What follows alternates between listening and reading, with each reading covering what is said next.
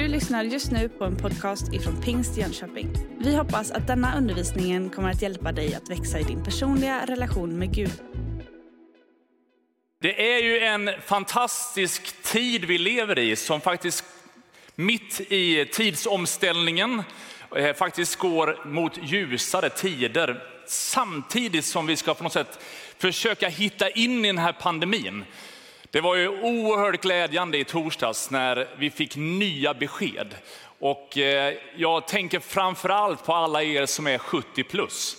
Att eh, nu få liksom lite mer tryggt kunna röra sig och vara liksom, tillsammans med andra. Det är en fantastisk möjlighet. Samtidigt så kommer de här beskeden då smittläget är speciellt. Så det är lite ambivalens i hur vi ska hantera det här. Men vi gläds över att kunna mer och mer försöka göra saker så som vi är vana vid att göra. Och vi ser fram emot att se många av er som är 70 plus med på olika saker som vi gör i kyrkan. Vi är också väldigt tacksamma för att kunna vara fler när vi firar gudstjänst. Och jag skulle vilja säga ett enormt stort tack till Daniel Claesson, John Larsson, Kristoffer Karpvik och alla möjliga som vecka efter vecka efter vecka skapar förutsättningar online Eh, och har slitit ordentligt den här veckan för att mer och mer kunna göra i ordning kyrkan så att fler kan vara i den. Och jag är så glad för att idag inte bara stå och tala till en kamera utan att det finns föräldrar som har barn i söndagsskolan som är i det här rummet nu. Vad gott att få fira gudstjänst tillsammans med er. Vi är i en sån där härlig årstid tycker jag, där man njuter av höstens alla färger.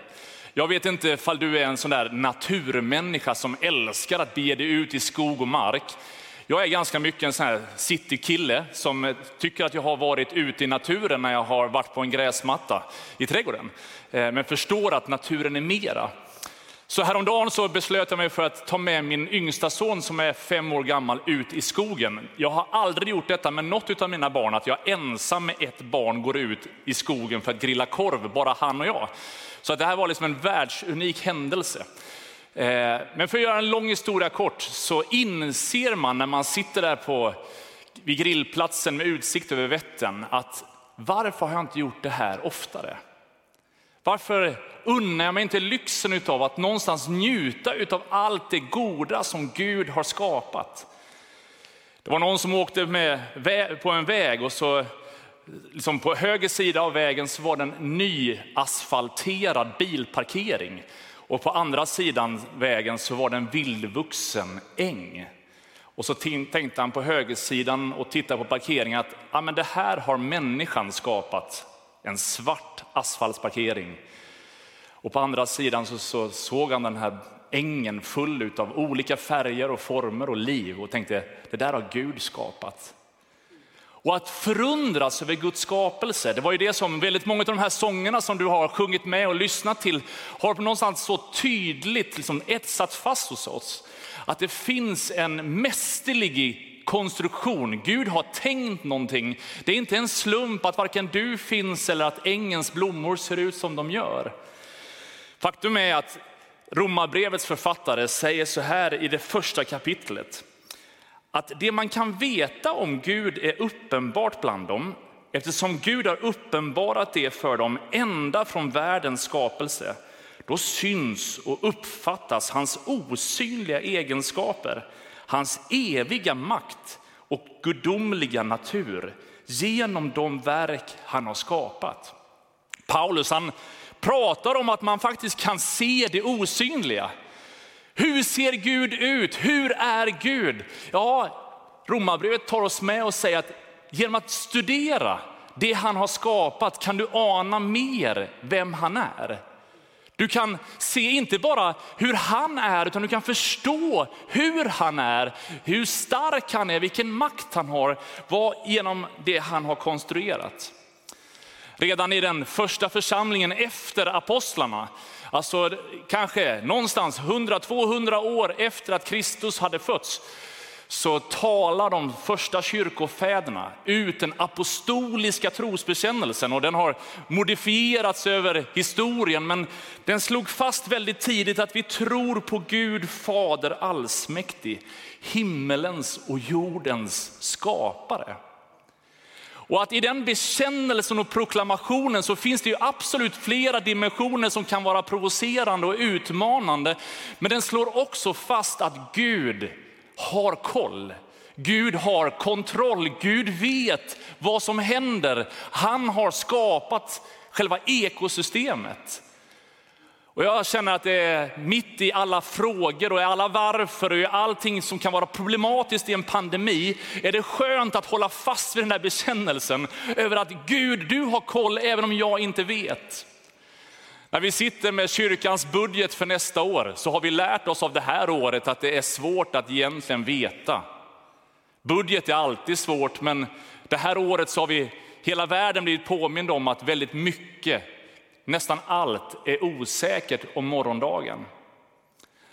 Veckan som ligger bakom så har både jag i min familj och i liksom familjer väldigt nära vår familj fått plötsliga sjukdomsbesked som så där tydligt bara förändrar allting och för stunden påminner oss om att ingen har en garanti för morgondagen.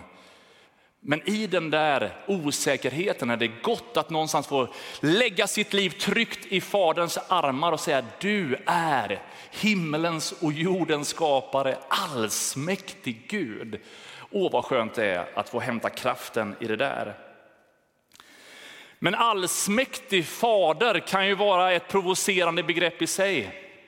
Kanske är det så att du har allt annat än positiva fadersgestalter som har präglat din uppväxt. Kanske till och med helt avsaknad av en fader. Så att, att Gud identifierar sig som fader känns för dig, nej då vet jag inte ifall jag vågar eller vill. Och vad jag skulle önska att du den här söndagen skulle få möta himmelens Gud. Och att han skulle kunna få läka dig från de kanske jobbiga, besvärliga sår som någon annan har skapat i ditt hjärta så att du kunde förstå hur älskad och värdefull du är. Att Gud är allsmäktig kan ju också vara provocerande. Om Gud har så mycket makt, hur kan han då ändå tillåta? Om Gud verkligen har allt i sina händer, då måste han ju vara en slags tyrann som tillåter mig att bära den här bördan. Om Gud är allsmäktig, varför hör han då inte alla mina böner så att det blir så som jag skulle önska att det blev? Och med allt lidande som finns i världen kan det vara svårt att greppa och förstå och acceptera att Gud på något sätt skulle vara allsmäktig. Ja, du har fog för dina frågor. Faktum är att vi ganska ofta ställer frågan på något sätt varför? Varför blev det så här? Varför kan det vara så här? Men faktum är att Bibeln beskriver inte alltid svaren på alla de där lidande problemen. Och försöker få oss att lyfta perspektivet från det som vi ser för stunden till vad Gud har tänkt med hela sin skapelse. Och att någonstans sista ordet ännu inte är sagt. Och att någonstans innan vi utvärderar hans allsmäktighet tillåter oss att vara lite ödmjuka och låta honom faktiskt få sätta hela berättelsens punkt en gång. Det jag känner tröst i, det är en Gud som faktiskt inte väjer för de svåra frågorna, utan till och med utmanar så långt så att han säger att du kan få uppleva dödsskuggans dal. Men i de stunderna fruktar du inget ont, för jag själv är med dig. Så mitt i vår brottningskamp över vart finns du den allsmäktige? Varför kan du inte lösa den här situationen? Så kan vi med den frustrationen bara ändå landa i hans armar och säga Gud, jag får bekänna min tro till dig. Precis som sången strax du lyssnade till, eller alldeles nyss, lyssnade, alldeles nyss lyssnade till, så proklamerades trosbekännelsen och att jag väljer att tro. Och ibland så står vi i de där vägskälen där det inte alltid är enkelt, det är inte så självklart. Men tron och tilliten för tröstan är att jag väljer till vem annars skulle jag gå? Sen slår det fast att det är himmelens och jordens skapare. Och någonstans så förundras vi i naturen och jag skulle verkligen vilja poängtera Guds skapelsetanke för varenda människa och allt det vackra som vi har sett. I begynnelsen skapade Gud himmel och jord. Så börjar hela gamla testamentet, så börjar Bibeln beskriva att allting är en konsekvens av att Gud har gjort någonting. Allting som vi ser och upplever är en konsekvens av den Gud är och vad han vill. Oavsett vad andra har sagt om dig, oavsett vad andra har gjort mot dig, i vilket sammanhang du är, Gud har gett dig ett unikt värde. Han har en plan med det han har skapat. Han har mål, mening och syfte med hela skapelsen och det innefattar dig och mig. Ibland är det en svindlande tanke att någonstans fundera, hur många miljarders människor har det någonsin gått på jorden? Från dess att Gud skapade människan till idag, hur många människor har levt och lever? Och bland alla dem, vem är då jag? Varför finns jag? Och inför den stora frågan så möter evangeliet oss med att säga det finns en skapare som har skapat för ett syfte, som har tänkt någonting, som har en plan, en framtid och ett hopp för oss. Som visste vad han gjorde när du formades i din mammas mage. Långt innan din mamma ens visste att hon var gravid fanns du i Guds tankar. Det är nästan för stort att ta in, att förstå. Gud har en plats. Ibland så kan man se både i kyrkohistorien och i nuet någonstans motsatsförhållande mellan vetenskap och tro. Och någonstans ju mer vetenskapen vinner landmark, ju mindre anledning skulle det finnas till att tro. Och absolut kan det finnas en, en problematik i att förlora förundran när allting bara blir ekosystem. När allting har en vetenskaplig förklaring kring hur det funkar och hur det är, så kan jag sluta fascineras över det faktum att det överhuvudtaget funkar. Och ibland är det som att vi inte ser skogen för alla träd på något sätt. Vi, vi, någonstans, vi ser inte Gud för att vi någonstans fastnar i detaljerna. Men om vi skulle backa ifrån lite grann, och det är väl det som en promenad längs med Vättern kan skapa. Häromveckan så hade jag förmånen att få vara på Vättershus retreatgård. Den ligger precis norr om Gränna, eller där utanför Gränna, söder om Gränna kanske det Söder om Gränna. Eh, och vid Ölands brygga, det är inte längre en brygga, det är bara en stenstrand, men det är en vacker plats. Så när man står där så förundras man. Och när man zoomar ut över det som annars är bara vardag och rutiner så kan man faktiskt får jag uppleva det Paulus skriver i Romarbrevet, att jag börjar ana Guds osynliga makt och kraft. Hans egenskaper kommer någonstans till liv. Faktum är att nästan all modern naturvetenskap har sina rötter och källor i kristen tro och kristna personer. Jag tycker det är fascinerande att se att faktiskt de människor som på något sätt har varit de pionjärerna i naturvetenskap ofta har haft en kristen övertygelse. En av dem som i lite mer modern tid forskade om arvsmassan i våra gener. Nu är jag på tunn is, så fråga inte, ställ inga följdfrågor nu. Eh, då får ni gå till chatten, för där kanske det finns mer kompetenta människor. Men han som hette, eller Francis Collin, som forskade fram om arvsmassan i generna, han var inte en personlig kristen när han började forskningen. Men ju mer han började forska om hur otroligt det funkar i kroppen så kände han bara, I rest my case. Det här är för bra, det måste finnas någonting mera. Och så upptäcker han vem Gud är.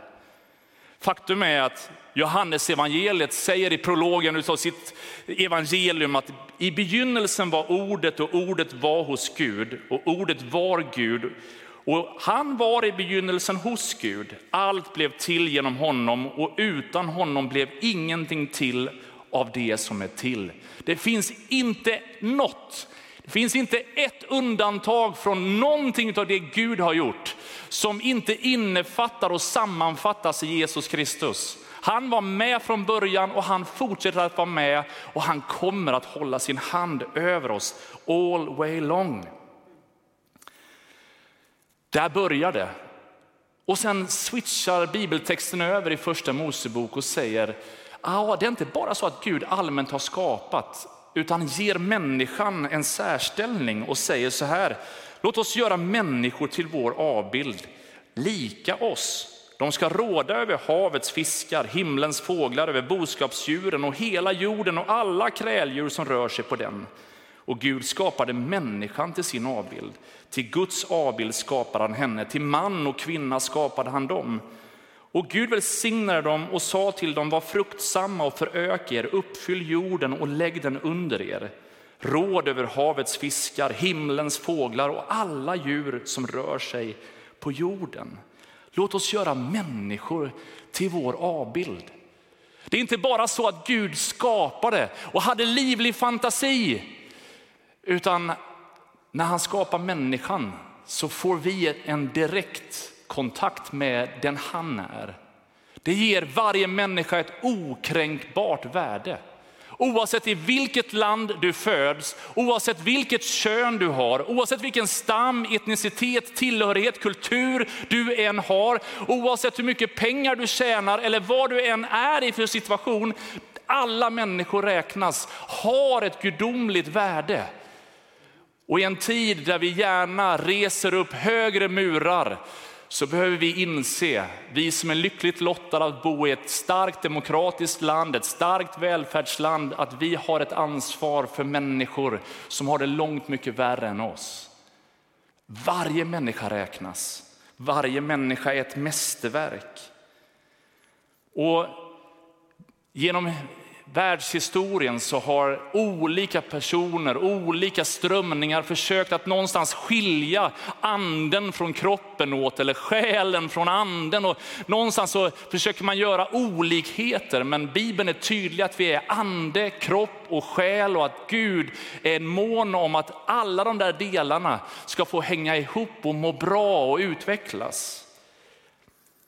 Samtidigt som vi är hans avbild så behöver vi påminna oss om att vi inte är Gud. Det är inte så att vi är likhetstecken med att vara precis som honom, även om vi påminner om honom. Gud är långt mer än vad vi kan förklara eller någonstans ens försöka sätta ord på. Jag läste häromdagen en intressant bok om treenighetsläran. Det är liksom en fascinerande till liksom hur Gud hänger ihop. Och så förstår jag när jag läser boken hur de första kyrko liksom, teologerna, de hade ju inte ens ord som kunde förklara. Så de började med att skapa ord som ännu inte fanns för att någonstans sätta ord på det som ännu inte kunde förklaras. Hyfsat svår uppgift. Och ibland så kan vi vara i det där ögonblicket att hur ska jag försöka förklara det som är oförklarligt? Det är någonting som går bortom min kunskap, bortom vår språkliga begränsning. Gud är alltid mera. Och det är där vi någonstans får hämta hem att han faktiskt är allsmäktig. Han är någonting större, någonting mer än oss. I första Mosebok där vi får vår identitet i vem vi är i hans ögon, så får också människan ett uppdrag att vi ska råda över naturen. I pingsrörelsen så har vi inte varit kända för att tala speciellt mycket om hur vi ska leva klimatsmart. För vi har alltid levt i perspektivet av att Jesus kommer supersnart och vi ska rädda själar, inte sälar. Så vi bara kör på någonstans att nu gäller det. Men faktum är att vi i det kölvattnet har missat en del av det som faktiskt är ett uppdrag som Gud inte har tagit tillbaka. Utan han säger fortfarande att vi ska råda. Och att vara klimatsmart och ta vara på miljön är inte liksom ett tillbehör som uppfanns av Greta Thunberg. Det är sedan begynnelsen ett uppdrag som Gud har tänkt för människan. Att vaka över, att vårda, att ta hand om. Romarbrevet 8 säger faktiskt så här, att jag menar att den här tidens lidande inte kan jämföras med den härlighet som ska uppenbaras och bli vår. Själva skapelsen väntar och längtar efter att Guds barn ska uppenbaras. Skapelsen har ju blivit lagd under förgängelsen, inte av egen vilja, utan genom honom som lade den därunder. Ändå finns det hopp om att även skapelsen ska befrias från sitt slaveri under förgängelsen och nå fram till Guds barns härliga frihet. Vi vet att hela skapelsen gemensamt fortfarande suckar och våndas. Och inte bara den, utan också vi som har fått anden som förstlingsfrukt suckar inom oss och väntar på barnaskapet, vår kroppsförlossning. Det här är ju nästan lite svindlande tanke. Faktum är att när vi läser Johannesevangeliets tredje kapitel, det som brukar kallas för lilla bibeln som säger att så mycket älskade Gud världen att han gav den sin enda son för att var och en som tror på honom inte ska gå under utan ha evigt liv. Många av oss kan versen utan till. Men studerar du lite närmare så verkar vi ha missat ibland perspektivet av vad är det Jesus kom för att rädda och ta likhetstecken med bara oss människor. Men faktum är att Grundtexten säger att ty så älskade Gud kosmos, hela skapelsen, att han gav sin enda liksom, son för att hela kosmos ska få räddas genom den. Att Gud har tänkt och har en plan och vill att även hela skapelsen ska upprättas. Därför så läser vi Bibelns sista bok om, om himlen, om det eviga hoppet och förstår att hela det perspektivet gäller inte bara människan, utan hela skapelsen förväntas vara med i det nyskapande som Gud har tänkt. Och om du och jag kunde förstå att som Guds avbild handlar det inte bara om våran identitet, att vi har ett högt värde, utan han har också lagt en makt, en kraft i oss att vara med och sätta standard och perspektiv och råda över så att hela skapelsen får vara med i den lovprisning som tillhör Gud. Faktum är att man kan ju undra lite grann hur vi människor är funtade. För att i takt med den tekniska revolutionen, takt med industrialiseringen så har vi för bara några årtionden sedan tagit makten över skapelsen genom att med vårat utvinnande utav all råvara och allt vårt sätt att leva så har vi nu överdraserat kontot över vårt sätt att leva på bekostnad utav skapelsens förmåga att någonstans härbärgera det. Och med vår konsumtion, med vår, våra ambitioner så sätter sätter vi hela ekosystem i rullning. Vi kan se på tv om hur korallreven slutar blomma, vi kan se hur alger tar över handen och vi kan se hur temperaturer stiger. Vi skulle kunna ha en lång föreläsning om vad människan åstadkommer som blir så destruktivt för skapelsen. Är det så att vi har ett uppdrag faktiskt som Guds avbild, att inte bara känna den här, wow, jag har en identitet i Gud, utan har också ett ansvar för den värld som vi lever i. Här i veckan så skrev man på DNs liksom stora eh, liksom debattartiklar, sidor, debattsidor, eh, om att vi talar alldeles för mycket om flygskam i vår tid. Faktum är att internetanvändningen driver på mer utav miljöförstöring genom alla telefoner, alla iPads, genom alla teknikgrejer och alla dessa serverhallar som ska få det att snurra. Och jag menar, nu är vi mitt i en pandemi, älskar online-möjligheten att någonstans ändå kunna göra någonting. Men vi kanske behöver fundera på hur mycket mer vi ska göra av allting samtidigt som vi ska faktiskt vårda den skapelse som Gud har skapat och Gud har tänkt någonting för och Gud har tänkt någonting med. Jag skulle vilja påminna dig om att när missionsbefallningen i Markus evangeliet 15 går ut så står det faktiskt så här, gå ut i hela världen. Än en gång, begreppet är gå ut i hela universum, kosmos och förkunna evangeliet för hela skapelsen. Vi har ett uppdrag att berätta för varenda människa om vem de är i Kristus Jesus och också predika för skapelsen genom att någonstans ta hand om den, vårda den, ta ansvar för den. Med all respekt för naturen så skiljer sig allt annat åt mot människan genom att Gud har blåst in sin egen livsande i oss. Och därför ska vi nu till avslutningen av vår, liksom, min predikan skulle jag bara vilja uppmuntra dig och utmana dig att verkligen bli trygg i din identitet i vem du är.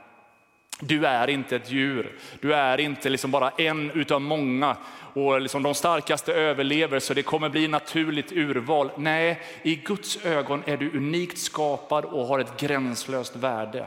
Och i min predikan så har jag liksom i min förberedelse gång på gång blivit påmind om att jag tror att du finns med någon gång under tiden som antingen live nu eller i ett senare tillfälle som lyssnar på det här och som behöver en, en riktad uppmärksammad hälsning från himlen.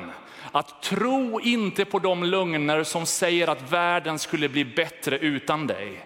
Tro inte på de lögner som säger att du är värdelös, att du inte är tillräckligt vacker, att du inte duger. Gud visste vad han gjorde när han skapade dig. Han är allsmäktig. Han kunde gjort precis hur han ville när han formade dig. Och han var supernöjd när han såg att du blev du. Och han vill den här förmiddagen bara ingjuta kärlek, kraft och tro in i din själ. Och faktum är att den där identiteten, den kommer inte bara utav att du får veta det, utan att det är att någonstans bara känna Jesus, du är min Herre, du är min skapare, du är min livgivare, du är min frälsare. Att få bekänna sin tro till Jesus Kristus gör att den där identiteten i Gud, den blir påtaglig, den går på djupet och den skingrar alla andra tankar. Kanske är det så att synd, skam, skuld, allt möjligt annat ibland gör sig påmint och gör att du känner att ah, jag har sumpat det. Men då finns det en Gud, en korsmärkt Gud som säger, jag har tagit straffet för din skull. Jag vill att du ska vara fri så att du kan få leva ut det liv jag har skapat dig för med mål, mening och syfte och njuta av den skapelse som jag har format för dig. Om du vill så kan du den här söndagen, där du sitter just nu, bestämma dig för att Jesus, jag vill ta emot dig i mitt liv. Du kan om du är här i kyrkan så kan du bara blunda, pröva ditt hjärta. Om du vill ha förbön för att återerövra en personlig relation till Kristus kan du få räcka din hand där du sitter. Är du med via datorn kan du liksom trycka på den lilla ikonen. Jag som räcker min hand och tar kontakt med onlinevärdarna som gärna vill be med dig. Och så bara ber vi tillsammans att Gud skulle få dra oss till sig, att han skulle andas sitt liv i oss så att vi som hans avbilder får vara trygga i vår identitet, fria att leva det liv han har för oss. Herre, jag tackar dig för förmånen att få fira gudstjänst den här söndagen. Herre, du vet precis oss som är i det här rummet och människor som följer via nätet, Herre. Du vet vad vi bär på, vad vi brottas med, vad vi kämpar med. Och jag tackar dig Gud för att du har gett ditt liv för oss. Herre, jag tackar dig för att du har allting i dina allsmäktiga händer. Och din mästerliga design, den tar inte slut när vi tror det, utan du har större planer, du har större tankar. Och jag tackar dig för att även evigheten innefattar oss. Herre, jag tackar dig Jesus för att i den här stunden så ska personlig relation till dig bli möjlig. När vi gensvarar på din inbjudan Herre, så bara kommer du med din kärlek över oss, fyller våra hjärtan med dig själv. Och jag bara ber dig för varenda en som är i det här rummet och firar gudstjänst live i kyrkan eller som är där hemma just nu. Låt din ande ta tag i deras händer, lyft upp dem i dina faders armar. Tacka dig för frälsning, tacka dig för ett nytt liv. Och vi ber om din välsignelse i det som ligger framför oss i Jesu namn. Amen, amen. Du har just lyssnat på en podcast ifrån Pingst Jönköping. För att få reda på mer om vilka vi är och vad som händer i vår kyrka så kan du gå in på pingstjonkoping.se eller följa oss på sociala medier via pingstjkpg.